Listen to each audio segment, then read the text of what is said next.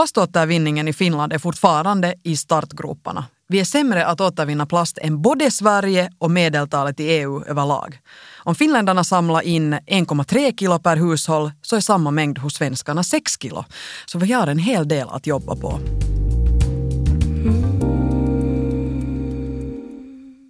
Ni lyssnar på Efter nio här i Yle Vega och idag sitter jag, Sonja Kailasari, här i studion utan mitt vanliga sällskap. Men som tur kommer den kommande halvtimmen att inkludera intressanta gäster och en intressant utmaning, så vi ska fixa det utan problem. Idén med Efter nio radio är helt enkelt det att vi utmanar våra gäster eller så utmanar de sig själva att i en veckas tid testa på att leva på ett annorlunda sätt. Att bryta en vana eller bara ändra någonting i sitt liv för att eventuellt komma till någon intressant insikt. Och idag ska det handla om plast och att försöka leva ett liv utan plast. Men vår gäst har tagit utmaningen och uh, har jobbat på det här i en, en veckas tid. Och uh, hon är riksdagsledamot, före detta minister och har jobbat mycket med olika människorätts och minoritetsfrågor under sin karriär. Nu har hon en lite annorlunda utmaning och ska se vad det utmynnar i. Uh, i vårt program så har vi alltid också en expert med oss och idag så är det miljövetaren Andrea Weckman. Hon är sakkunnig på avfallshantering och cirkulär ekonomi. Dessutom är hon ordförande i miljöorganisationen Natur och miljö som sysslar med miljöfostran. Veckans gäst idag är Eva Biodé. Och vi börjar med att ta, lyssna på ett klipp då hon besökte oss i Efter nio för ungefär eh, ett år sedan och eh, sen ska vi välkomna henne i studion. Riksdagsarbetet har ju också ändrat jättemycket. När jag var ung politiker så satt vi ju där kvällarna i ända, alltså vi hade ingen aning om när det skulle ta slut. Och nu för tiden är det helt klart ett dagsjobb för det mesta. Bara när det behövs ibland så finns det då tider när man också sitter på kvällarna och mm. sent. Och det var talman Åsukainen faktiskt som ändrade helt på reglerna, vilket fortfarande helt, tror jag, jag vet faktiskt inte vilken annan riksdag som har gjort det på det viset, helt bestämt att man röstar inte på nätterna och så vidare och på kvällarna. Hjärtligt välkommen till Efter nio radio, Eva Biodé. Tack så jättemycket. Nu, jag började direkt tänka på, här, äh, på basen av det här klippet som vi just hörde, att, att hur mycket finns det plast där i riksdagen? Hur mycket är du omgiven av det? Ja, egentligen kanske inte. Det är nog inte kanske det man tänker på, det är nog papper. Mm. Även om vi nu för tiden naturligtvis har allt också äh, virtuellt eller vad man ska kalla det. Allting kommer på, äh, allting finns på nätet och allting finns i olika, olika sådana virtuella boxar och sånt här. Att, att, men ändå så har man nog ganska mycket papper. Äh, det kanske är inte helt enkelt att lära sig att bli den här generationen som ska kunna liksom hantera den här informationen och helheterna bara när man läser det från skärmen. Mm. På något sätt är, är det ändå så att det är lite svårt och att man får lättare grepp till exempel om helheten. Man får lite bläddra och lite skriva in sina lappar och sina anteckningar. Så att man, man printar nog faktiskt ganska mycket papper i alla fall. så precis. det är nog papper och inte plast. Jag tycker inte att vi har egentligen plast just alls. Okej, okay, om man köper äh, kaffe to go till utskottet så har det faktiskt det där locket på där. Men annars just. är det nog en pappmugg. Du har alltså antagit utmaningen att försöka leva så plastfritt som möjligt. Va varför ville du anta den här utmaningen? Egentligen ville jag nog inte alls. Jag visste att det skulle vara jättejobbigt.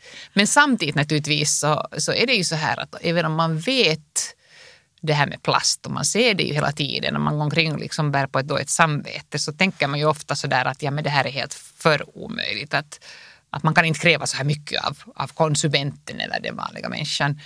Så, och sen när man då bestämmer sig jag har en envis assistent, Karin, som tyckte att jag nog absolut måste pröva på det här. Så att hon övertalade mig kanske i slutändan. Och så tänkte jag att okej, okay, det är ju kanske också intressant att veta när man misslyckas.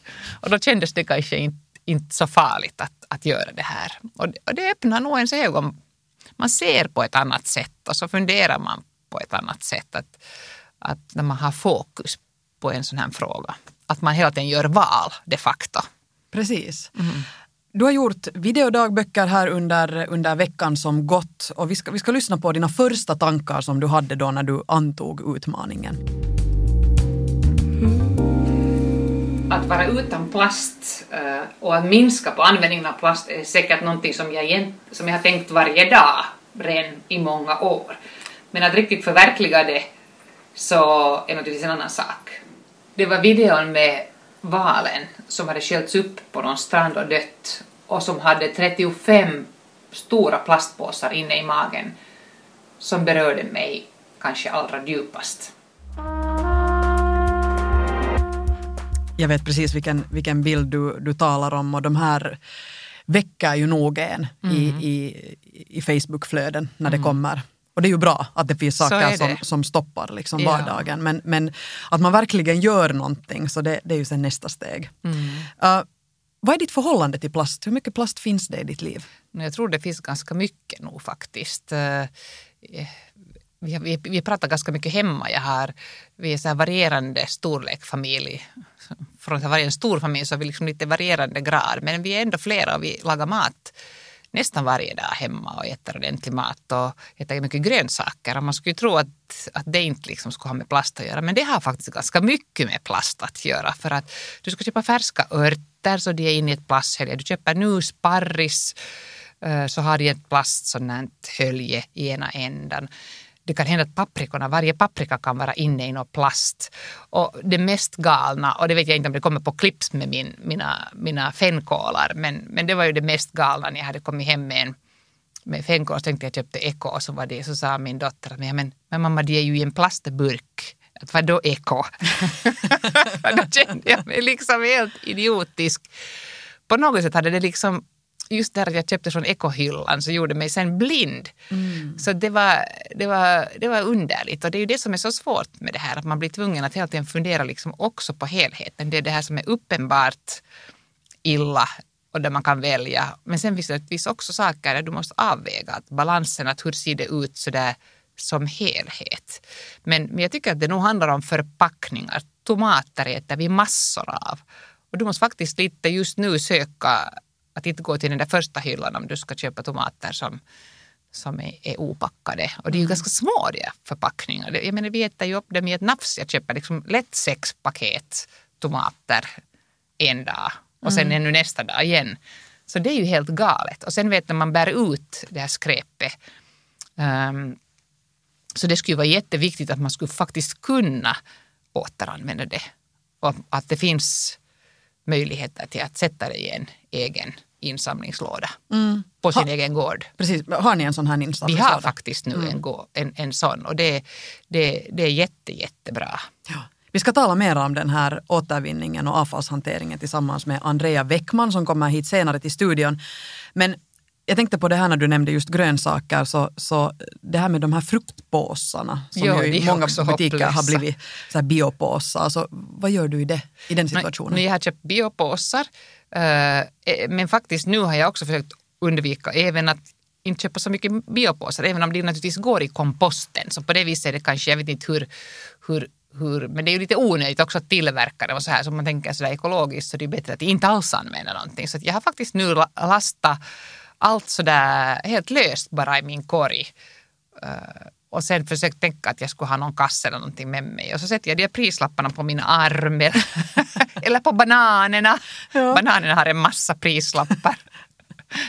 och det bryter ju lite sådär i kassan så blir de lite konfunderade och undrar att har liksom allt blivit nu vägt helt säkert. Mm. För där är massa lime som rullar omkring och massa äppel som rullar omkring. Men inte, inte det är ju så farligt. Man, man tvättar ju och sköljer ändå äpplena och, Nej, och så här. Så att jag tycker inte att det, det funkar ganska bra. Men sen finns det naturligtvis de här, just de här örterna och salladerna. Så det är ganska svårt. Betyder det här att du har levt ett ohälsosammare liv under den här utmaningsveckan? Jag var jätteupprörd över att jag inte fick så mycket örter faktiskt. För det, det, det har blivit... Man ändrar ju lite sådär. Matkulturen har ju ändrat. Jag tror att vi har varit jättelyckliga att få äta mer av de här färska örter. Så att jag vet om jag någonsin sätter något torkade örter mer mm. någonstans. Så det, det, är liksom, det hör till min barndom, det är till det här liksom, den tiden. Och nu för tiden är vi ju lyxigare på det viset. Och, och det är nog ganska fantastiskt. För det gör maten. Mm, absolut, men jag vet exakt den där mängden plast som, som det blir av att köpa sådana här örtbuskar. Mm, och oftast för de lever du... ju inte så länge Precis. ändå. Och det är nog också ett, för, fast det är i mylla så här så är de först i den plastburken i mylla och sen så det plasthölje. Mm. Åtminstone mina håller inte jättelänge så det är nog bara att äta upp den väldigt hastigt. Jo, och det finns säkert någon expert som säkert skulle ha en lösning på det, på, på det här problemet också. Man skulle säkert mm. kunna odla själv. Det finns ju ja. alla möjliga små sådana här akvarielösningar som, ja. som, som man kan gå till. Men det är kanske nästa steg. Ja. Ännu med de här örtburkarna. Jag läste faktiskt, man blir ju lite intresserad också av. Jag menar plast är på det viset ganska komplicerat. Det finns så jättemycket olika plaster och den här expert, din, din expert kommer säkert att kunna berätta mer om det. Men det jag läste om att också svart plast är särskilt dåligt. För det känner inte det där recirkuleringsmaskiner som ska hantera olika plast som måste behandlas på olika sätt. Så det känner de inte igen, så det måste alltid brännas. Så det kan du till exempel inte återvända. Okay. Och sånt här, det, det, det var jätteintressant. Plast är, ett helt, det är en hel vetenskap. Det är en hel vetenskap mm. och, och, och det här Andrea kommer att hjälpa oss här i träsket för att det, det, det är nog varje gång som jag själv ska åter vinna ja. plast som jag funderar, eller som jag nästan produkt för produkt måste lite fundera. Okej, vissa, vissa har börjat bli, bli en vana förpackningsalternativen ja. uh, men, men det är nog, det är nog en hel det. värld. Men det finns glada nyheter som jag inte, fast jag vet att det faktiskt sagts åt mig, men jag har bara inte trott på det, att till exempel mjölk de finska, alltså de burkarna som vi har mjölk i som är då återvinningsbara, så är också den här korken är faktiskt biohajoava. Nedbrytbar. nedbrytbar, just det, så den går i samma man behöver inte ta bort dem. Jag har hittills plockat alltid bort de där korken för jag tänkte att de är inte. Men det har jag också gjort. Har du? Ja. ja men man behöver inte. Du, man, man lever och man lär. det där, vi ska återgå till dina dagboksklipp. Och eh, nu ska vi lyssna på hur, hur det gick när du just körde igång hela utmaningen.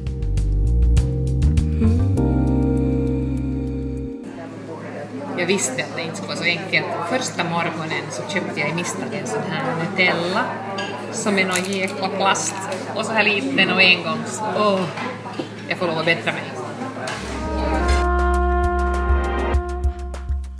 Jaha, där gick det, där gick det åt fanders direkt första dagen.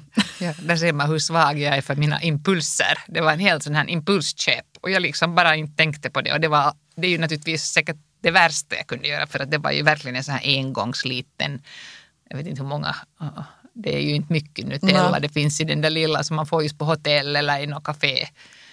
Så jag hade en croissant och så köpte jag den där, jag hade så lust. Så, ja. det, så det, var, det var ju verkligt men det var på det viset bra för den var ju totalt onödig.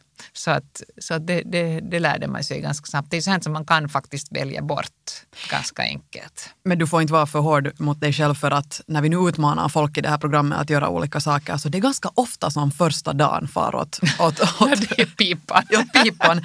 För att man lever så i sina gamla vanor ja. och, och det där tankesättet är någonting som man måste konstant fundera på. Så är det. Att, att det blir verkligen där impregnerat i ens, ja. i ens värld. Man väljer nog väldigt lika och det, det känns liksom som du skulle göra väldigt stora ingrepp på din frihet på något sätt när du liksom blir tvungen att börja göra någonting på helt nytt sätt. Det, det, är faktiskt ganska svårt att ändra sina vanor. Det är det, men det är så jättehälsosamt att, att fundera från andra perspektiv mm. och sätta på sig de här plastglasögonen mm. och, och, fundera på det via det. Men no, utöver sådana kafébesök och, och, och matinköp, så på vilket annat sätt finns plast där i din mm. vardag? Det finns ju naturligtvis jättemycket. En vecka är på det viset ganska bra att jag behövde inte köpa några shampooer och, och jag köpte inte någon maker och sånt här. Och, och det är klart att jag kanske nu inte är den som jag tänkte att det är nog jättebra att jag inte makear mig så jättemycket för det går inte åt så mycket. För det är ju också hopplöst, alltså de förpackningarna som har att göra med skönhetsvård, alla möjliga krämer och allting. Så, så vissa är naturligtvis i glas men har ofta plastlock. Men de är också väldigt små. Det finns ju så oerhört lite i de här förpackningarna. Och sen är det naturligtvis så att också du köper, när man talar om de här mikroplasterna och sånt som finns, vi vet att det finns i olika sådana här scrubs och sånt här. Så, så det är nog en att man ska kunna förstå vad det finns i de där vad de här ämnena är, för de heter ju, alltså du måste ju vara kemist ungefär. Och det är klart att vissa, vissa namn låter ju väldigt plastiga och då kan du mm. kanske tänka att okej, okay, det här är något, det står, heter något akrylo någonting. Eller någonting så kan du tänka sig att okej, okay, det här är nog säkert något plastaktigt. Men, men det är nog väldigt svårt. Att det var, jag, jag, vi hade just en sån diskussion, jag hade någon sån duschtvål som hade såna bubblor i, så sa jag att det här har säkert plast i sig. Och sen när vi undersökte så stod det att det var olja. Och så var det inte, det var oljedroppar. Så det, okay. så det var inte. Så det är inte det, det är lite så att det kräver nog att man ska orka lite sysselsätta sig och sen kanske hitta de där produkterna som, som är vettigare. Så att jag, jag, på det viset hoppas jag nog att, att också de som producerar och säljer de här varorna, att, att de ska uppleva att det här skulle vara en marknadsnisch så att man skulle hjälpa helt enkelt konsumenterna lite på traven. Att man mm. inte måste vara någon detektiv för att veta vad man ska köpa. Problemet är ju det att, att plast är så otroligt fortfarande billigt att, att tillverka. Ja. Så att i många fall så är det, är det liksom lättare och billigare att tillverka och än att plast har också goda sidor. Alltså det, det var alltså, nu när jag hållit på med det här så har jag faktiskt läst lite mer om plast. Och, och det, det, det intressanta är ju att, att det är helt klart att till exempel för vissa grönsaker så gör det att det håller längre. Att det inte blir ett så stort matsvinn. Det är ju inte heller bra. Så det finns säkert situationer när det kan vara liksom vettigt att det kan vara liksom vettigt att ha plast. Det kan också vara så att det till exempel, det var någon, det stod någonting att i bilarna när man har mycket plastpartiklar där delar så blir bilen mycket, mycket lättare och då går det inte så mycket bensin. Mm. Så det finns naturligtvis, det är ju en helhet. Men det är klart att ju mindre man trans måste transportera till exempel mat och grönsaker, ju mindre måste ju packa dem också. Så det finns en liksom många saker du kan vinna med att ha närmat till exempel eller, eller eller när man eller att inte helt enkelt just måste transportera saker så mycket. Så, så det, det, det, är ganska intressant nog att, att fundera på, på det här. Det är inte bara alltid så helt enkelt. Att, att plast är ju naturligtvis en, en ganska fantastisk produkt för den är ju så hygienisk. Men att, och, och det kanske orealistiskt att tro att man helt ersätter det om inte man hittar på någonting annat, något mm. annat material som, som fungerar så som plast. Men man borde ju kunna begränsa det i alla fall och sen just återvinna Precis. allting. Precis. Man märker att det har väckt en massa tankar hos dig ja, den här ja, Jag studerade. Jag var jättestolt jag, jag blev så intresserad och det var faktiskt eh, mycket som jag inte alls visste. Inte alls. Nej, det, här, det här blir intressant och, och det skulle vara intressant att höra också jag vet inte hur mycket du, du vet om vad som, vad som pågår liksom på, på beslutsfattarnivå kring det här och, och vad, vad, man jobbar med i, i, riksdagen så att säga, vad du eventuellt kan. Jag sitter inte i något sådant utskott men jag vet att, att EU, på EU-nivå så har man gjort målsättningar om att helt enkelt öka ganska mycket också. Nu kommer jag inte ihåg de där mängderna. Jag läste dem också nu, men det var faktiskt ganska mycket. Man måste faktiskt nog bli väldigt mycket bättre, som du sa, på att på att, på att återanvända, på att återvinna, men också på att använda mindre. Och sen handlar det naturligtvis också om att försöka planera planera att det inte skulle finnas så mycket plastsorter för det skulle helt enkelt vara lönsamt att återvinna. Det är allt möjligt sånt här som handlar helt om det. Och sen, sen tror jag, sen har vi till exempel Helsingfors stadsfullmäktige så har vi flera motioner. Vi har också skrivit en motion som att man skulle minska på plast och så här. Att det är nog någonting som folk har väckts mm. till och jag tror att det är inte bara jag som har sett de här bilderna av djuren och hav, haven där det finns sådana liksom plattor av av... Eh, Som är större än Finland. Av skräp, ja. och, och, och, kanske också den här, uh, den här ena forskaren som, som hade beräknat att, var det nu 2050, att det skulle finnas mera plast i havet än fiskar. Någonting sånt här om man, om man fortsätter. Det är naturligtvis inte bara ett, ett Finlands problem utan det är hela världen och det är inte så länge sedan Europa har exporterat plastavfall till länder som Kina eller fattigare länder där vi inte överhuvudtaget vet vad som har hänt med den plasten. Så det är faktiskt jättestor del av haven, plasten i havet som kommer från stora floder som Nilen och, mm. och sånt här. Så man kan liksom inte exportera bort det här utan man måste nog tillsammans globalt försöka se att det ändras men också naturligtvis att vi tar ansvar och, och försöka leda vägen i Europa. Nå, slutet av utmaningen, slutet av veckan, hur gick det då? No, inte vet jag. Jag, jag föll nu, höll nu på med det. Men det är klart att, att eh, man märker sen att, att eh, man inte egentligen vill sluta utan att på något sätt blir det nog på. Du lyssnar på Efter nio radio här idag där jag talar med Eva Biodé som har antagit utmaningen att försöka leva helt plastfritt i en hel vecka. Men nu är det dags att ta in följande gäst. Det är dagens expert. Hon är sakkunnig på avfallshantering och cirkulär ekonomi och jobbar på Helsingforsregionens miljötjänster, HRM. Andrea Weckman ska vi träffa nu. Hjärtligt välkommen Andrea Weckman. Tack, tack projektplanerare på Helsingforsregionens miljötjänster, HRM. Du jobbar med avfallshantering, återvinning och cirkulär ekonomi.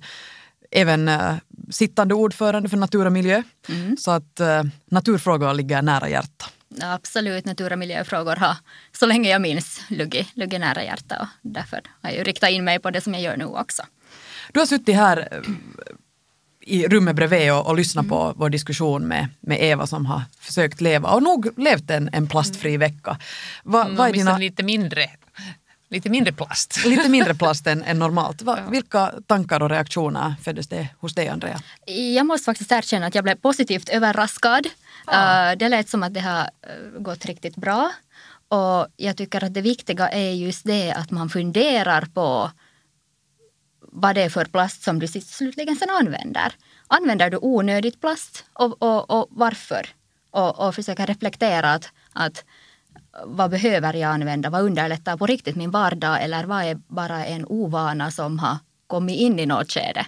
Ibland får man en sån känsla att, att plasten är en, en megabov och det är klart också när vi ser de här bilderna på, på, på haven och, och, och valarna och, och, allmänt hur mycket skräp det finns i, i, i naturen.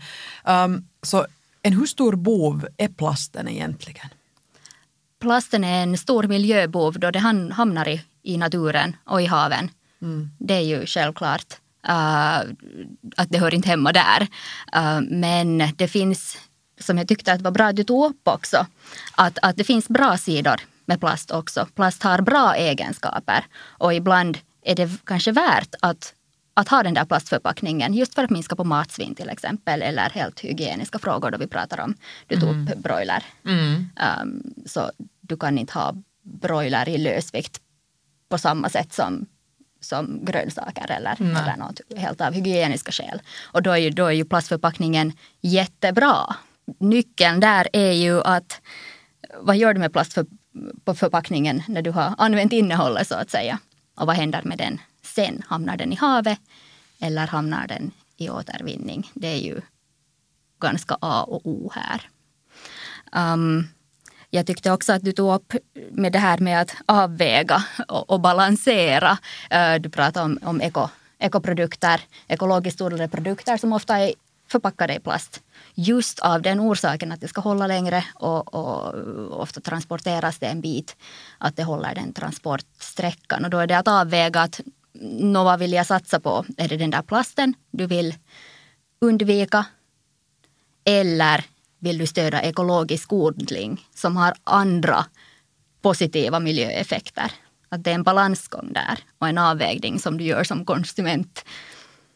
Sen är det ju det att ja, hur mycket, hur mycket ansvar ska sättas på konsumenten och, och hur mycket dåligt samvete ska vi konsumenter gå omkring och ha. Det är ju sen en annan fråga. Nu kan man säga att i dagens läge har man ganska mycket dåligt samvete när det kommer till många saker eller man upplever att man borde vara mera insatt på många nivåer. Vare sig mm. det kommer till att köpa kläder eller kosmetika eller, eller matvaror och så vidare. Men, men du är ju insatt i avfallshantering och cirkulär ekonomi. Vill du börja med att, att Berätta lite mer om det här uttrycket cirkulär ekonomi. No, cirkulär ekonomi är ju så mycket mer än avfallshantering och återvinning utan det, det är ju en, en, en grundläggande förändring av, av vårt samhälle och, och, resursanvändning och hur vi ser på material och produkter. Att det är inte det är inte den där återvinningen, det är ju en del av det, men det är inte allt. Utan när vi pratar om en cirkulär ekonomi så är det ju det att materialresurser äh, går i kretslopp och att det inte egentligen finns avfall eller extremt lite avfall utan det finns material. Och, och, och tanken här är ju det att, att de materialen som går i kretsloppet, att, att det sjunker inte i värde. Om vi pratar då om plastinsamling så, så när du återvinner plastet, vad, vad, vad, är det som du gör för produkter? Är det bara äh, relativt billiga äh, plastpåsar av återvunnet plast? Eller gör du produkter som håller i värde och kanske som ökar i värde och, och inte slängs bort genast som en billig produkt i nästa skede utan, utan att materialen håller sitt värde och i kretsloppet. och inte hamnar i haven då. Mm. Hamnar det, handlar det mycket om i, i plast. Men, men cirkulär ekonomi som begrepp är ju, är ju mycket mer. Det är ju, handlar om att, att kanske skifta mer från produkter till tjänster istället helt och hållet. Hade du några tankar här Eva under det här? Jag, jag, tänkte, jag tänkte bara att, att, att det, är ju, det är just så här och det har ju kommit liksom produkter. I många butiker så finns det ju redan så står det att det finns att den här plastpåsen är gjord av då återanvänt material av gamla plastpåsar eller någonting annat.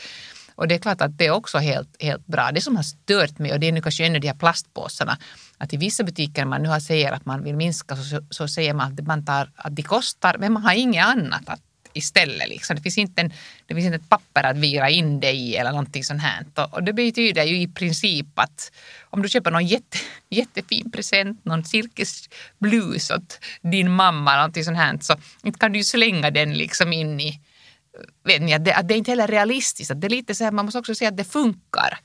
Att jag tycker att då måste man ha lite silkespapper, vad man nu har, så man kan vira in den och, och så kan man sätta det i sin väska.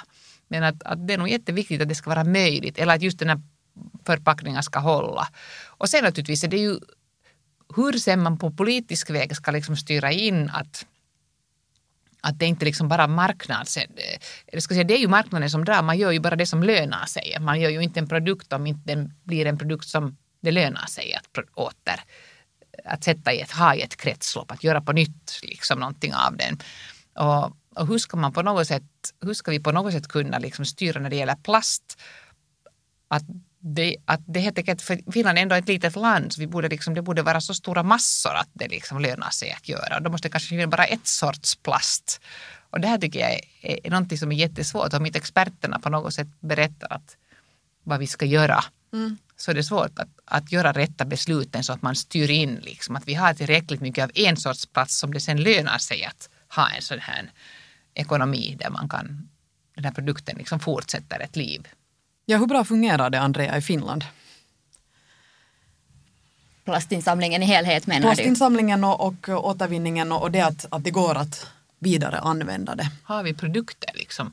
Mycket, har vi andra produkter än plastpåsar som görs av, av, av gamla plastsaker? Jo, jo, det börjar nog komma. Eh, plast, plastprodukter, alltså vad skulle det kunna vara, ämbar, mm. uh, olika mera håll, hållbara, mer, mest utomhus kanske produkter och, och, och, och, plastsaker. Sen finns det ju olika kläder och skor och, och vad allt det nu finns, börjar finnas. Att det, det, det utvecklas med fart och det är ju här som marknaden och och politiken. Marknaden styrs ju dels av då marknaden och, men också av styrmedel och, och stöd.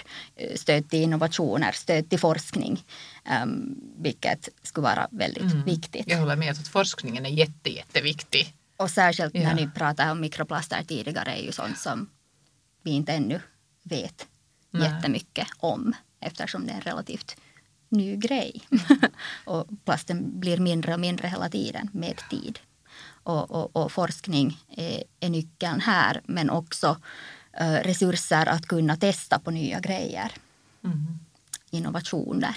Mm. Det är bara svårt att göra liksom, och jag, jag håller med, det borde finnas styrmedel. Det är svårt att göra styrmedel som inte liksom, vet ni, det är ibland så att man gör ett beslut och så leder det liksom fel. Att, att när man ingriper vilket man ska göra. Jag tycker det ska finnas lagar och regler. Man, det ska liksom hjälpa för att liksom leda till ett mer miljövänligt liv och produktion och konsumtion. Men, men det borde liksom vara så att, att det på riktigt leder till liksom att helheten blir bättre. Och det är inte så lätt om inte man har den här kunskapen. Och, och det är säkert så att vi kanske ännu behöver ganska mycket mer forskning för att vi ska kunna veta. Vi behöver forskning men vi behöver nog också aktion. Vi behöver, vi behöver också Vad tycker du vi borde göra? skifta. Yeah. Vi behöver göra väldigt mycket. Och, och, och där kommer igen den här konsumtionmakten in, att, att kräva. Kräva bättre designade produkter, kräva bättre designade förpackningar. Mm. Vad är det som du köper, vad är det som du inte köper? Uh, vad behöver vi, vad kan du återvinna och så vidare. Att, att sätta hårda krav på, på inte bara politiker och beslutsfattare men, men hårda krav på, på de som gör produkter, på försäljarna, på, på producenterna. det finns mycket som butiker kan göra för att påverka vår konsumtion. Um, och med plast kanske inte så mycket. Mm, no, det är förstås vilka produkter de väljer att ta in. Ta in de har ju gjort, man har ju gjort mycket i Finland med, med det här plast, plastpåsar och, och åter, åter, mm. plastpåsar av åter, återvunna material och sånt. Men, men eh, du nämnde, ni pratade också om de här fruktpåsarna som mm. finns bionedbrytbara och också de här mjölk Mm. Uh, korkarna. korkarna. korkarna. Det som jag ville lyfta fram där, yeah. kom just nu ihåg, är att det är skillnad mellan biobaserade plast och bionedbrytbara plast. Det, det, det, det, är inte alltid, inte kunde. Det är ja. inte alltid samma sak. Uh, det att, att någonting är biobaserat betyder inte att det är bionedbrytbart, Nej, som mjölkkartongskorkar. Uh, det att det är bionedbrytbart betyder inte att det är alltid gjort av av biobaserad plast. Nej. Som till exempel uh, de här biofruktpåsarna. Uh, kan vara gjorda nog på olja men ändå vara bionedbrytbara. Just det, så du kan ändå sätta dem i komposten. Men sen de här som är bio, för det var någonting som var också skillnad, att de här fick inte blandas, att de duger inte till samma. Att den ena skulle i komposten och den andra skulle i den här energilådan. Eller Bio, bionedbrytbara plast kan inte återanvändas, åter, återvinnas Nej, i, i, i plastinsamlingen. Ja. Mm. Men köper du en förpackning som är gjord av sånt plast så då, yeah. då kan du sätta den, helt som svart plast också, så kan du sätta den fast en förpackning så hör den till plastförpackningsinsamlingen. Yeah. Men det stod bara i en artikel att man kan bara bränna svart plast, man kan inte göra något för, eller tills vidare så kan man inte återvinna det. Det tyckte jag också var liksom, det kan man ju inte veta om inte någon har berättat det för en. Mm. Nej, nej. Men, men det är ändå, så, så länge som det är en förpackning så då ligger det på, på, på producentansvaret och då, då hör det hemma så att säga i, i plastförpackningsinsamlingen. Ska vi avslutningsvis fundera på, på helt konkreta sådana här tips uh, på hur man skulle kunna leva med, med lite mindre plast? Lite fortsätta med den utmaning som du hade i en vecka. Så här, eh, på vilka olika områden i, i livet skulle man kunna, kunna fundera på det här? Om vi nu bara kastar fram lite sådana allt från att uh, skippa de här engångs uh, kaffemuggarna med det här plastlocket, vilket jag sysslar med ändå en del i mm. veckan. Man borde ju ha med sig en sån här take away-mugg eller någonting. Men vad finns det för andra sådana tips som vi kunde kasta fram här? Mm. No, jag tycker att det viktigaste är just det att sluta använda engångsplast i engångsprodukter. Uh, ganska snabbt blir det en vana att du har med en, en, en, en väska i, i tyg eller en, en egen mugg eller en egen flaska eller vad som helst. Att, att det är bara att ta, anamma en ny vana. Um, det som... Och sen är det ju faktiskt så att man kan ju också ha en men det finns ju så här hållbara plastkassar som man kanske någon gång har skaffat och den, de är ju inte så svåra att ha med sig heller om inte man har en tygkass. Men man kan ha både och. De kan vara så stora de här. Så att, att jag tycker faktiskt det här hör till det nästan det som känns lättast att lära sig. Att ha den här mm. kassen. Mm. Det, det... Åtminstone här upplevde jag det så. Ja. Att det kändes inte så svårt. Den här burken känns alltid ganska svår för den är så otymplig i ens väska, vet ni, eller handväska. Eller sånt här. Men, men där med den här egna kassen eller, eller, väs, eller tygkassen är ganska och det finns ju ganska mycket sådana som man har fått på olika möten och sånt här. Åtminstone jag. jag blir helt tokig för jag, jag äger säkert 30 stycken sådana någonstans och sen alltid ändå när jag behöver det så sen ligger den där någonstans bredvid, bredvid roskisen där hemma. Mm. Man måste bara förändra tankesättet. Men ja, fanns det ännu något? No, nästa, nästa steg är ju att, att kolla vilka produkter du, du väljer i butiken. Eh, väljer du tomaterna som är inpackade eller väljer du de som är i lösvikt? Där gör du redan ett ganska stort val och en, en stor skillnad.